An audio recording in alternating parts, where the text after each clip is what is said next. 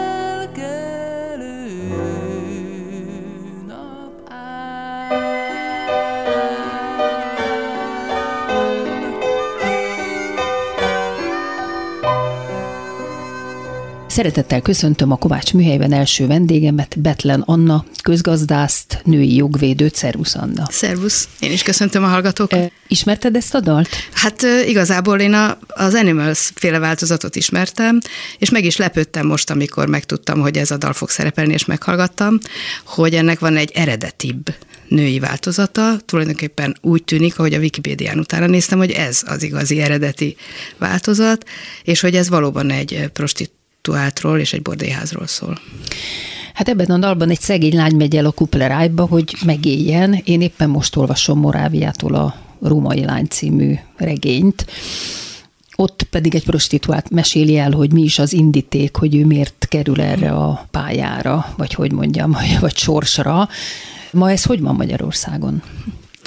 Hát nagyon sokféleképpen van. Úgy értem, hogy a szegénység és a teljes kilátástalanság viszi ezeket a lányokat erre az útra. Öm, azt mondanám inkább, hogyha szakszerű akarok lenni, a relatív szegénység. Öm, nagyon sok tehát a derékhada, a prostitúció derékhada természetesen világszerte és mi nálunk is a mély szegénységből nyeri az utánpótlását. Ez a fő forrása a prostitúciós üzemnek a munkatárgya az a szegénységből kerül be. De vannak olyan, és nem is kevesen olyan prostituáltak is, akik innen nézve nem tűnnek annyira szegénynek. Nem érzékeljük, hogy őket is valamilyen nagyon elkerülhetetlen és súlyos kényszer viszi bele ebbe a dologba. Akkor mi?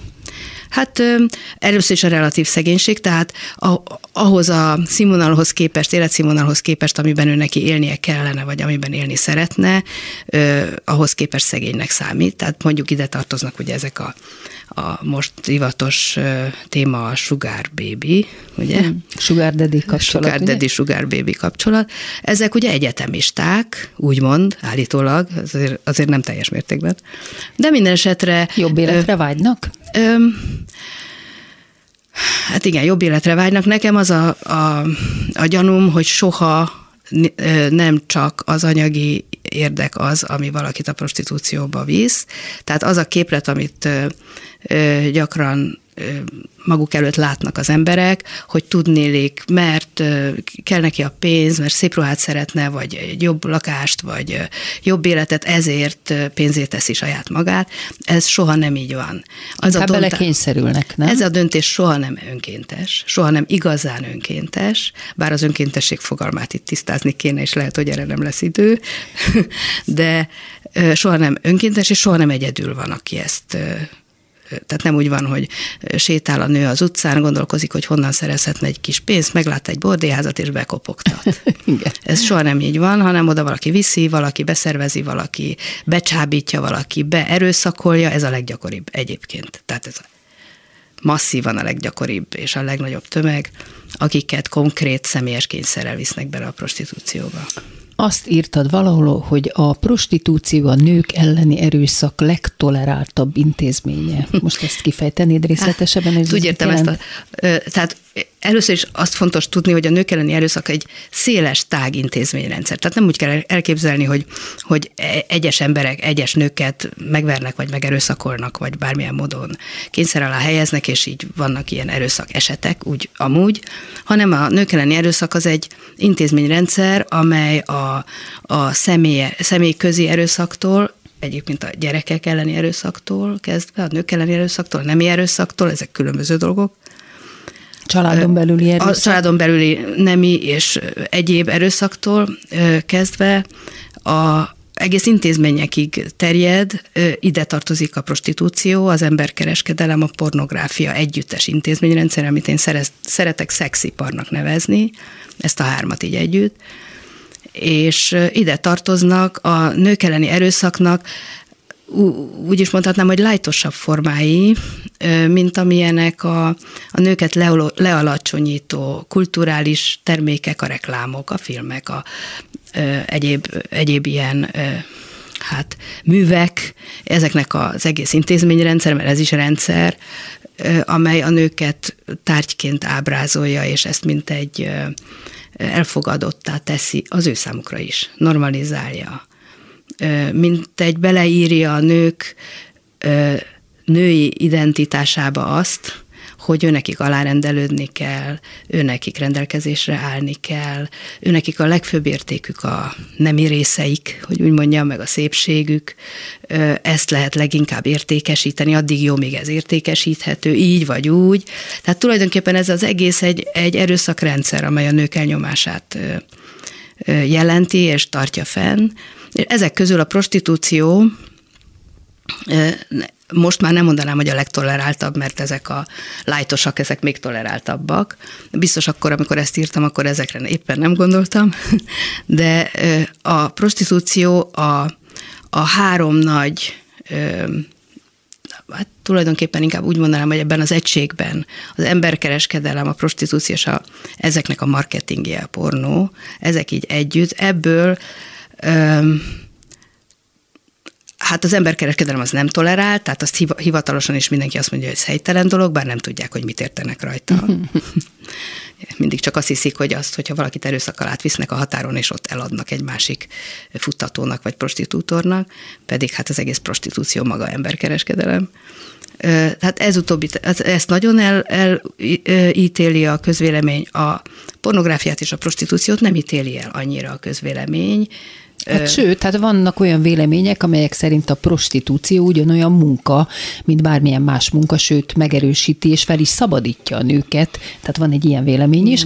Sőt, szinte egy feminista álláspontként is lehet értelmezni, hiszen ez egy munka. Most mit gondolsz erről? Hát én szerintem a prostitúció nem munka, de ez egy nagyon nehéz probléma, mert írtó nehéz meghatározni, hogy mit értünk azon, hogy munka ugye? Hát pénzkereseti. Pénzkereseti, csak azt értjük rajta? És nem, a, hát otthoni nem. mosogatás az nem munka? Hát de, de, de, hát ugye? persze. Tehát egy csomó olyan munka van, amiért nem kapunk pénzt, és egy csomó olyan nem munka van, amiért kapunk pénzt.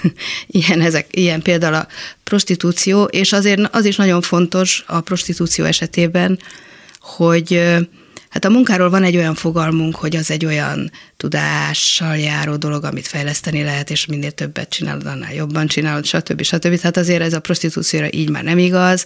Azon kívül akárhogy is, azért a prostitúcióról lehet tudni, hogy a világ legveszélyesebb munkája, és most itt fölemeltem a két kezemet, és időzőjelet mutattam, ennek nagyon magas a halálozási rátája, túlságosan is. Tehát veszélyes üzem. Rendkívül veszélyes üzem.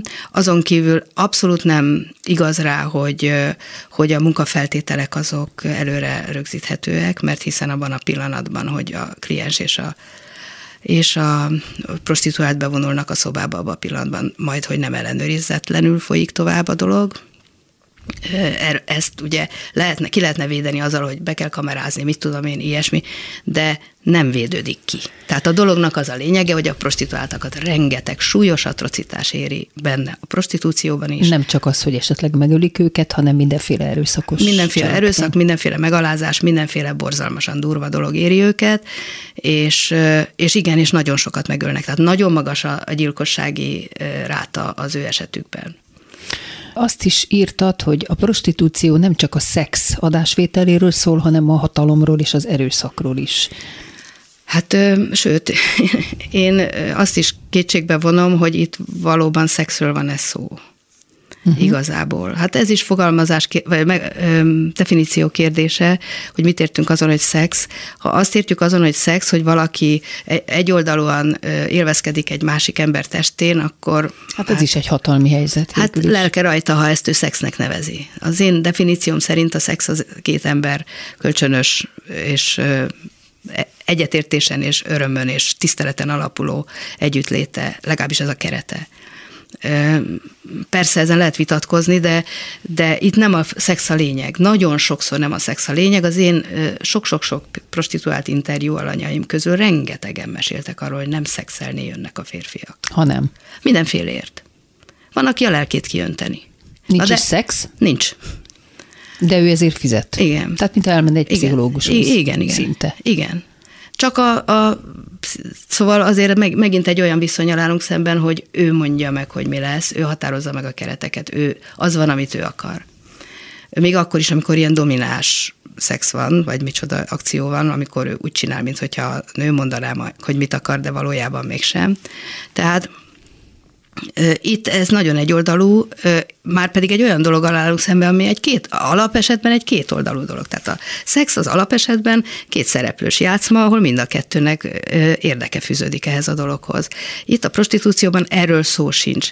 Ja, hogy a pénz, a nőnek a pénz az érdeke. Aha, mondani szokták, hogy a nő a prostituált kétszer élvez, egyszer a szex alatt, egyszer meg amikor megkapja a pénzt. Hát nem, egyrészt, egyrészt ez a nők számára nem az esetek nagyon nagy többségében nem élvezetes dolog. Annyira, hogy el is tudják választani sokszor. Hogy a, el is kell. Sőt, hogy ők vannak, akibe szerelmesek, van Igen. egy szerelmük, és teljesen külön választják, ugye elidegenednek igen, a saját testüktől, gondolom. Hát igen, itt megint nagyon mélyen bele lehetne menni a, ennek a pszichológiájába, ez egy nagyon traumatikus élmény a prostitúció. Egyszer alkalmam volt nem is olyan régen egy konferencián egy német volt prostituált nőnek a beszámolóját hallani. Ez azért érdekes, mert Németországban annyira legális a prostitúció, hogy munkának számít, és volt egy korszak, nem olyan nagyon régen, amikor a munkanélküli hivatalok kiközvetíthették a nőket a prostitúcióba, ha nem volt más foglalkoztatási lehetőségük, és megfeleltek a kiírási feltételeknek. Ez itt a Kovács Műhely Betlen Annával beszélgetek a prostitúcióról, most éppen Németországban. Tehát Magyarországon történt ez a konferencia, és ott ez a német nő, aki naívan, 40 évesen, addig semmi köze nem volt a prostitúcióhoz, munkát keresve elment a hivatalba, és ott ezt ajánlották neki, hogy milyen jó kis bordéban lenne ott. Igen. borzalmas traumatizált és ő elment, utána, elment, kipróbálta, és utána, utána valami, először is nagyon nehéz volt kiszállni, másodszor is, amikor azért sikerült neki, utána, hát azt mesélte nekünk ebben az előadásában, hogy borzalmasan traumatizálta őt, iszonyatos megalázó volt az egész. Ugye a többi prostituált számára, akiknél nem ez történt, hogy 40 évesen tök naívan és felkészületlenül, és nem tudva, hogy ez nem egészen oké, okay, mert hiszen az megy ott Németországban, az az ideológia, ez tök jó, munka, biztosítás, izé, nyugdíj, minden. Tehát ö, ott ez megy, elhitte, elment, és megtapasztalta, hogy miben van része. Na most ö, a többi esetben nem ez, a, tehát nem ez a tipikus bekerülés. A tipikus bekerülés az 13 éves korban történik átlagosan világszerte. Magyarországon is.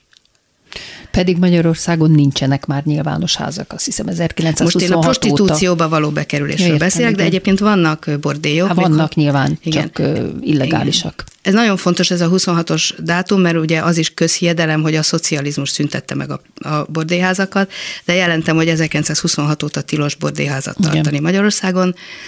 A prostitúció egész intézményét akkor nem tiltották még be, hanem ilyen engedélyes prostituáltak működhettek még 26 után, de erről is hát rengeteget lehet olvasni, ilyen azon vitatkoztak akkor a szakemberek, hogy 8-szor, vagy 16-szor, vagy 50-szer annyi a prostituált, mint a hánynak regisztrációja van e, ezeken a dolgokon vitatkoztak. Ma is ilyen vitákat lehet olyan országokban, ahol lehet regisztrálni a prostituáltakat, ilyeneket lehet olvasni. Németországban például, ahol mondom, ö, izé, biztosítás, nyugdíj, minden jár hozzá, ö, Németországban is azt olvastam pár évvel ezelőtt, hogy 400 ezer prostituáltat becsülnek, tehát annyi, annyi a, a feltételezett számuk, ö, még a Covid előtt vagyunk, tehát azt nem tudom, hogy utána mi mhm. volt, és napi egy millió aktust becsültek, egy 80 milliós országról van szó, ahol férfi, nő, gyerek, öreg, minden egy, együtt 80 millió, napi 1 millió aktust becsültek, így prostitúciós aktust.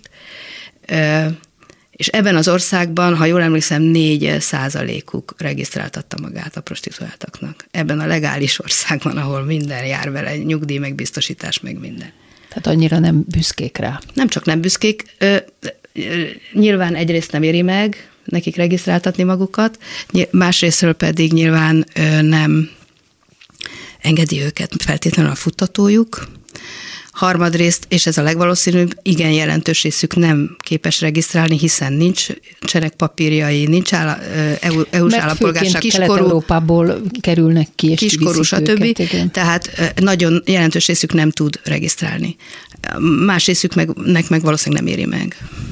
Egy túlélő szavait idézem, a traumatizáló nem kívánt szex már egyetlen alkalom után is tönkretesz. A prostitúció megfoszta méltóságottól, nem tartod már magadat emberi lénynek. Hát, igen. Ezt nagyon sokan elmondták. Én nekem is számos interjú alanyom mondta ezt el. A, azok, akik már utána vannak. Ez is nagyon fontos, hogy aki még benne van, az nem így fog beszélni. Tehát amikor újságíró oda megy a prostituáltakhoz, és megkérdezi tőlük, hogy hogy vannak, akkor ők nagyon jól lesznek. Uh-huh. És elégedettek lesznek a, a helyzetükkel, és el fogják mondani, hogy ők önként vannak itt, egészen szeretik is ezt a dolgot csinálni, de, leg, de minden esetre egy éven belül hazamennek, és megveszik a házat, amit kitűztek maguk elé, és vissza magukhoz veszik újra a gyereküket, stb. Ezek a nők nem fognak egy év múlva visszakerülni, és se házuk nem lesz, se gyerekük. Ha esetleg később sikerül kijönni ebből a helyzetből, akkor utólag majd elmesélik, hogy hogy történt. Mit változtatott az internet ezen a piacon? Nagyon Illetve sok. ezek a különféle pornó oldalak és akár ez a gattyánféle nagy üzlet. Óriási változást okozott, nem csak a prostitúció és a pornó és az emberkereskedelem területén, hanem tényleg minden területen óriási változást okozott. Ezen a területen ö, nem jó a változás. Na most ezeket a nőket is prostituáltaknak kell neveznünk? Tehát most a, ez a Akik online... Erre online a Blue Jasmine, vagy igen. nem tudom, vagy Live Jasmine. Hát attól függ, hogy mi a definíció. Ha azt mondjuk, hogy prostitúció egyelő pénzért szexuális szolgáltatást nyújtani, akkor igen. De itt össze is jönnek, tehát van, hogy összejönnek? Van, hogy összejönnek, vagy, de nem vagy kötelező. Ez kukkolás? Vagy ez kuk, a maga a dolog az kukkolás. Tehát uh-huh. amiért egy gatyán elvileg, hát nem tudom, hogy titokban nem folytat-e bordélytartást, meg, meg közvetítést, meg ilyesmit, ezt nem tudjuk. El tudjuk képzelni, de nem tudunk ilyesmiről. De az maga, amiről a pénzt beszedi, az online szórakoztatás, kukkolás, megrendelésre persze, tehát a fickó ott ül a másik végén a vonalnak, és megmondja, hogy mit kér és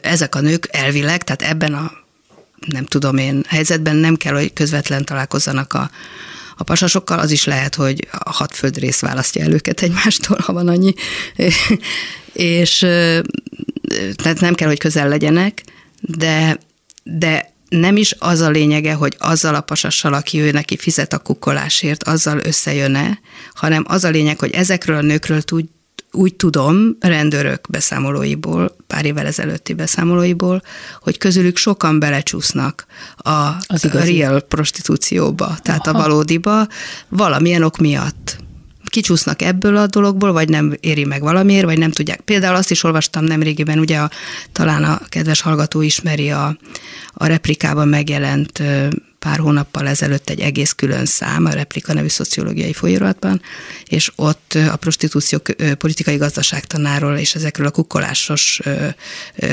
formákról is bőven esik szó. Azt nagyon ajánlom mindenkinek a szíves figyelmébe.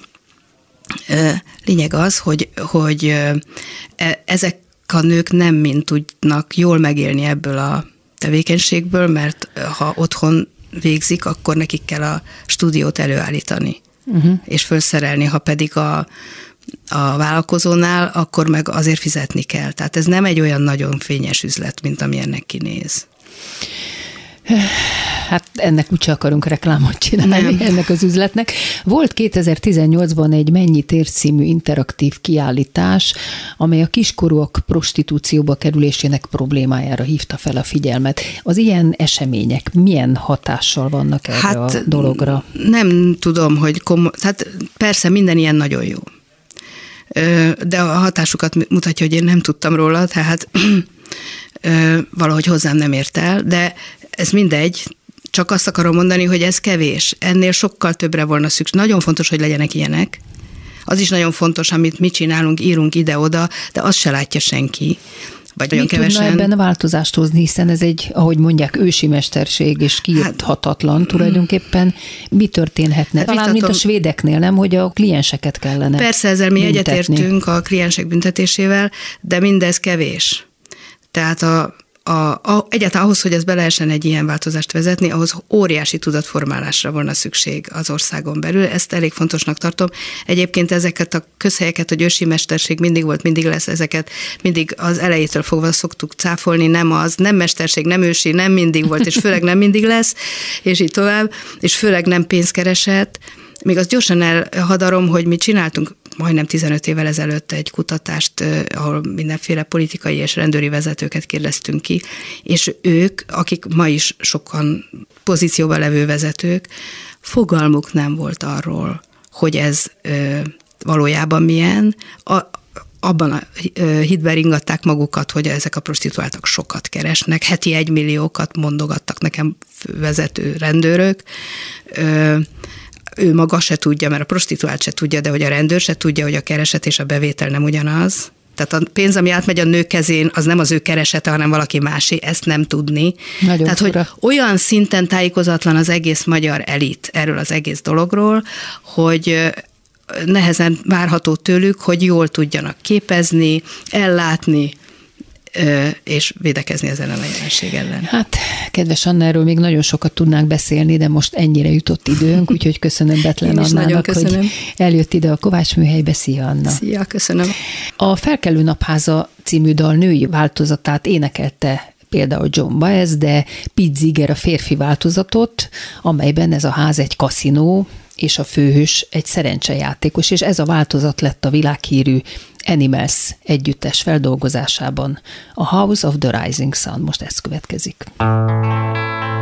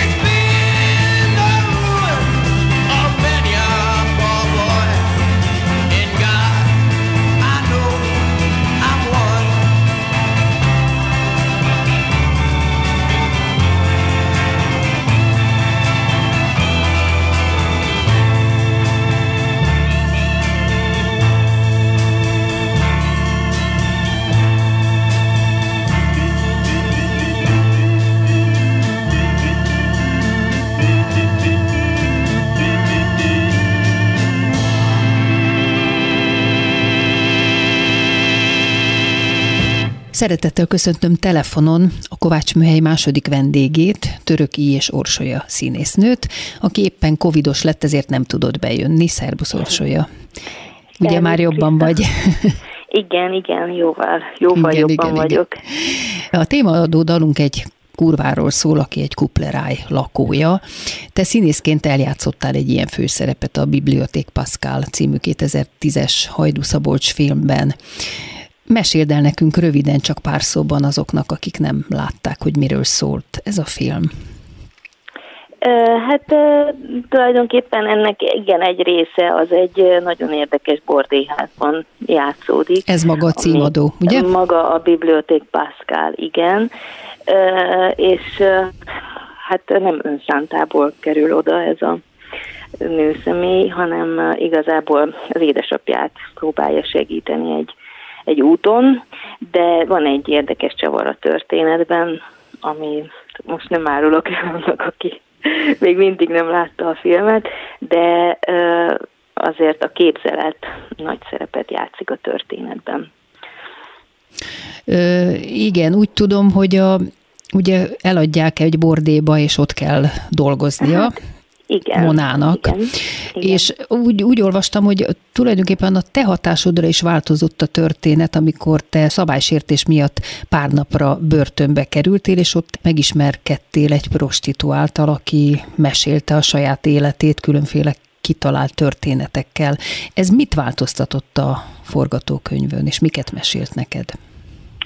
Igazából az volt, hogy hogy az, hát olyan sok változata volt a forgatókönyvnek, hogy, hogy már nem is tudom pontosan hol tartottunk akkor, de, de tény, hogy volt egy börtön része, uh-huh. és az, hogy a szereplő börtönbe kerül, és valahogy nekem kapóra jött az, hogy, hogy éppen volt egy ilyen zöld kár, lejárt zöld kártya miatt büntettek meg, azt hiszem, és akkor úgy döntöttem, hogy bemegyek pár napra. Nem fizetett ki, nem bemész, igen, az is egy tapasztalat. Igen, igen, mert ez egy érdekes tapasztalatnak tűnt akkor, különösen azért, mert ezt nagyon plastikusan leírják ott a, a, ebben a felhívásban, vagy nem is tudom, beidézésben, hogyha az ember nem fizeti ki, akkor mi a teendő, még egészen odáig, hogy egy tisztasági csomagot, egy napi élelmiszert kell vinni, pontosan a cím is ott van. Szóval, hogy valahogy nagyon kínálta magát a dolog. És hát igazából amit változtatott az az, hogy hogy rám nagyon nagy hatással volt, hát ott minden, különösen ez a találkozás ezzel a hölgyel, akivel az első éjszaka töltöttem együtt az időt ebben a cellában, aztán átkerültem egy másikba. És az volt a nagyon érdekes, ahogy abból a saját nyomorúságából és rettenetes életéből tulajdonképpen, mint kiderült, ott az egyik főúton strichelt, és tulajdonképpen azt várta, hogy a stricie az kifizesse érte a váltságdíjat, de nem mert, tette. hogy akkor kiengedik. De aztán, aztán kifizette. Aztán kivitték. Igen, aha. kivitték. És akkor ebből a, ebből a rideg és rettenetes valóságból menekült ezekbe a sztorikba, amiket nekem nagy átéléssel mesélt. És uh, ugyan bármikor ezt így megcáfolhattam volna, vagy vagy közben vethettem volna, hogy ez talán ennek nincs sok valóságértéke, mert nagyon, hogy mondjam, ilyen tündérmese jellegű történetek voltak, de valahogy nem volt szívem hozzá, mert azt éreztem, hogy, ez hogy neki segítség volt nyilván. Menekül, igen, igen. igen. És, és tulajdonképpen ez a csavar került bele a filmbe, uh-huh. hogy valahogy az valóságot könnyebb elviselni így. Uh-huh. A forgatás helyszín ez egy víztározóban volt, és ott ezt nyilatkoztad a forgatás alatt. Ez egy értelmiségi bordé, ahol különböző irodalmi alakokkal lehet kéjelegni. Ebben a fétis ruhában Desdemona vagyok, de zsándár is leszek, modern francia katonai egyenruhában, erősen felnyírt hajjal. Hogyan válogattátok ki ezeket az irodalmi alakokat ehhez a bordéházhoz? Tehát igazából az volt a szempont, ugye, hogy könnyen beazonosítható legyen, mert a filmben nem sok ideig látjuk ezeket uh-huh, a szereplőket, uh-huh. és hogy azok a helyzetek is alkalmasak legyenek egy ilyen ö, együttlétre, amiket mondjuk ezek az irodalmi szövegek ö, ö, hoznak, és hát ugye ez egy érdekes bordé, ahol ahol tényleg a, a vendégtől is elvárható az, hogy, hogy képbe legyen és hogy Ezért hívtátok értelmiségi a... bordénak, ugye? Igen, igen, igen, igen. Szóval, hogy, hogy, hogy pont azt a, a, a vágyat próbálja kielégíteni, hogy, hogy, hogy képzeletben eljátszunk ugye ezekkel, azonosulunk ezekkel a hősökkel, és ott, ott ez valósággá válik, de egy ilyen furcsa módon. Hát gondolom, neked ez színészként egy izgalmas dolog lehetett ezekbe a nőkbe belebújni, tehát ezekbe az alakokba, még ha így is, vagy ilyen formában is, de téged mennyire viselt meg emberileg, főleg, hogy ugye a kislányotok is ott volt veletek a forgatáson. Tehát mennyire tudtad letenni a szerepet, vagy mennyire viselt meg téged lelkileg ez a fajta kiszolgáltatottság, amit szereplőként át kellett éljél? E, az a, a, egyrészt, ami nagyon megviselt, ez a, ez a gumiruha, amiben az egész... igen, ja, hát az hát egy az fizikai dolog, igen, igen, volt, igen. Igen, tehát azért az, az fizikálisan tényleg kikészített, tehát hogy, hogy ha meleg volt éppen, mert volt, hogy, hogy nagyon melegbe forgattunk nyáron, akkor, akkor iszonyatosan meleg volt benne. Egyszer így ültem egy forgatási szünetben, és akkor láttam, hogy egy tócsa van alattam, és ez az összes izzadságom az kifolyt alám egy tócsába. Uh-huh. Jó, mondjuk inkább most a lelkiekre voltam kíváncsi, nem annyira fizikailag, bár az is nyilván hát nagyon megterhelő. Az az igazság, hogy, hogy, hogy ne, nekem végig a film alatt a, a, az volt nagyon nehéz, hogy ez a nő a gyerekét ott hagyja. Igen. És ez a része, ez, ezt nehezen tudtam magamévá tenni. Ugye az embernek el kell valahol hinnie, hogy, hogy ez, ez így lehetséges. Ez, hogy az ember ott hagyja egyik napra a másikra a gyerekét a, azért, hogy az apján segítsen. Tehát, hogy nekem ez, ez kísérte végig. Az, hogy, hogy aztán ezekbe a helyzetekbe bele kell menni, az már egy ilyen, tehát szinte úgy él, hogy mondjam, úgy tudtam ezt felfogni, mint egy büntetését ennek, a, ennek az anyának, aki ezért most itt vezekel. Uh-huh. Hogy ezt elkövette, ezt a, ezt a dolgot, hogy ott hagyja a gyerekét. Ezt értem, hogy mint szerep így érzed, de most rád vagyok kíváncsi, hogy színészként ezeket a megalázó helyzeteket, pláne filmen, ami nem olyan, mint a színház, ami mindig egy kicsit elemeltebb dolog. Tehát, hogy ezt jelentette neked valami nehézséget, vagy ez is egy szerep volt? Ö, nem, abszolút. Tehát, hogy ez a része nem, és főleg ezekben a jelenetekben ugye annyi technikai dolog van, amire oda kell figyelni, hogy, hogy az nagyon sokat segít egyébként hogy, hogy ne érezze az ember ezt így. Tehát, hogy nem, egyébként ez a része nem, nem volt nehéz. Ez nem volt nehéz. Ez itt a Kovács Műhely Töröki és Orsolyával beszélgetek a prostitúcióról, illetve a Biblioték Pascal című filmről aminek a főszerepét játszotta. Az álom és a valóság teljesen összekeveredik a filmben, ahogy erről már beszéltünk is. Ez egy megoldás lehet ezeknek a lányoknak, hogy kicsit kikerüljenek ebből a világból, legalább lelkileg? Hát ez csak egy ilyen tüneti megoldás szerintem, vagy ilyen fájdalomcsillapító, de megoldás semmiképpen sem. Tehát azért ez nem, nem fogja az életüket megoldani, csak, tehát hogy ott is az, az volt az érdekes, amikor ezzel a nővel beszélgettem, hogy hogy én megadtam neki a, a Szabolcs telefonszámát, hogy, hogy csak hogy hívja fel, hogyha kikerül, és ugye érte kifizetik a válságért, és mondja meg, hogy jól vagyok, és nagyon úgy tűnt, és nagyon jóba voltunk, hogy ezt meg is teszi, és aztán később, amikor ugye megtudtam, hogy ez, ez nem történt meg, akkor jöttem rá, hogy neki ugyanúgy törölnie kellett az agyából azt, ami ott bent történt, és mindazt. Tehát, hogy folyamatos törlés, és valami újnak az elképzelése. Tehát, hogy ő, ő ahogy kilépett onnan a börtönből, az, az engem teljesen kiradírozott. Mármint úgy gondolod, hogy az egész börtön élményt kellett kiradírozni a magából? Hát igen, igen, igen valószínűleg, meg hát engem is vele együtt. Tehát, hogy, hogy ez az érzelmi mm, bezárás vagy kizárása a dolgoknak, ez nagyon jellemző szerintem. Tehát, hogy ez máshogy valószínűleg nem is lehet ezt a mesterséget űzni, csak hogyha ezeket a kapukat az ember nagyon egyszerűen bezárja. Ö... Ez nem egyszerű, nyilván. Igen. Más Szerintem. prostituáltakkal is beszéltél? Tehát a szerephez való felkészüléshez volt, hogy valakikkel beszéltél, vagy esetleg futtatókkal, vagy bármilyen... Hmm, nem, mert igazából nem a prostitúcióról szólt a film, és tulajdonképpen ez a nő is bekerül oda, tehát, hogy nem hát általában bekerülnek, igen. Általában. Igen, tehát, hogy nem, nem egy olyan embert kellett eljátszanom, aki ebben rutinos, tehát, hogy ilyen értelemben erre nem volt szükség, de találkoztam ott többekkel, igen, idősebbekkel és fiatalabbakkal, és hát elég brutális tapasztalat volt. A lányotokat mennyire viselte meg ez a dolog, vagy ő játéknak tekintette, hiszen még nem volt négy éves sem. Hát nyilván a forgatás érdekes volt, de hogy az anyja milyen szerepet játszik ott egy ilyen, egy ilyen bordélyházban, ezt ő felfogta, vagy tudta, vagy elmondtátok neki, vagy ez hogy történt? Nem, nem, és a filmet sem nézte meg még nagyon sokáig utána, szóval ő, ő tehát abban a részében nem volt benne a forgatásnak abban a részében, és sokáig nem is nézte meg. Emlékszem, hogy csak az utolsó jelenetre vittem be mindig, amikor amikor egy közös jelenetünk van egy uh-huh. ilyen Tehát ezt nem akartátok végül is neki hát még nem, elmondani, nem, persze, nem, nem. persze, persze. Aztán később látta, és nagyon tetszett neki a igen, film, igen. de ez már jóval később volt. Igen, igen.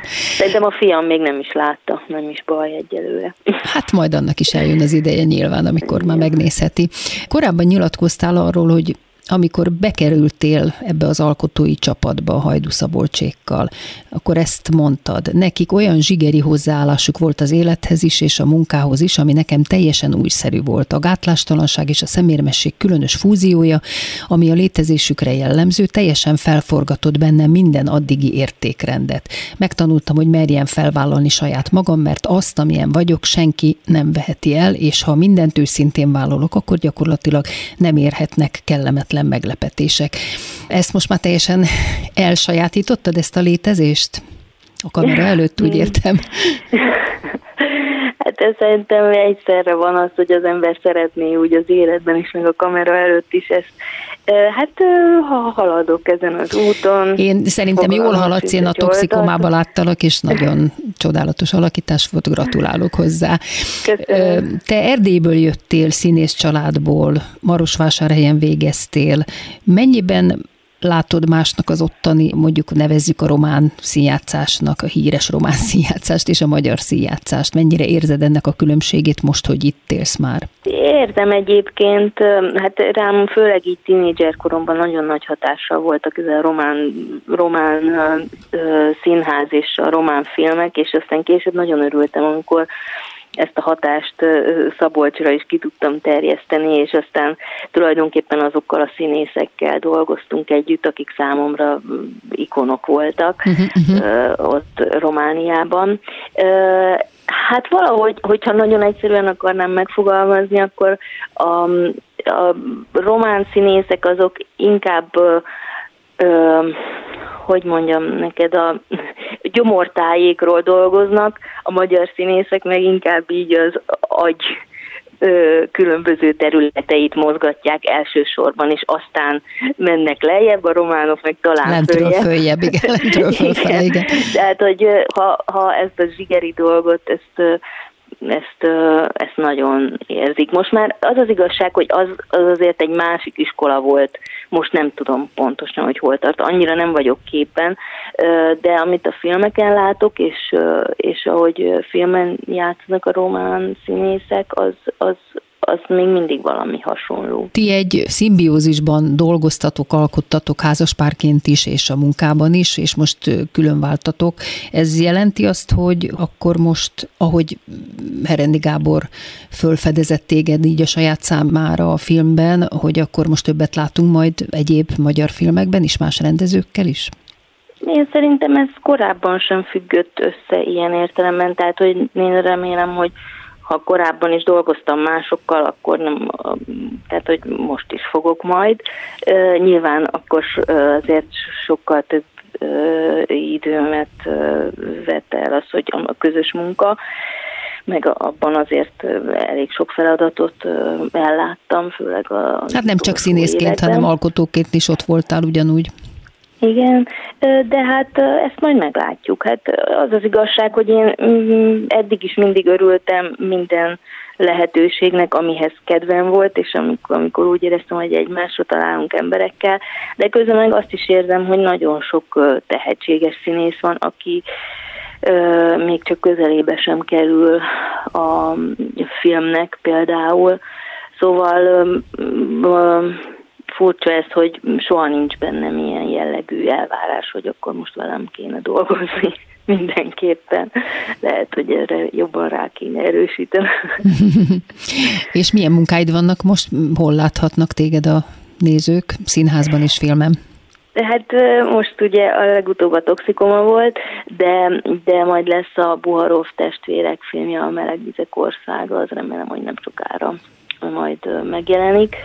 És hát most színházban azért több előadásban is benne vagyok. És Le is szerződtél bárhova, vagy szabadúszóként dolgozol? Nem, szabadúszóként dolgozom, és most pont egy Marosvásárhelyen végzett nagyon fiatal csapattal lett volna egy bemutatóm a Radnóti Teslában, az Iszméné című előadás, de sajnos ez valószínűleg egy hónappal eltolódik most a a Covid miatt, mert gyakorlatilag a fél csapat az pozitív tesztet produkált. Jaj, jaj, jaj. Egyébként ez a most már lassan két éve tartó Covid járvány, ez mennyiben változtatta meg az életedet? Tehát mennyire voltak ezek az elmaradások, elmaradt munkák, pénzkiesés, hát, nehéz élet?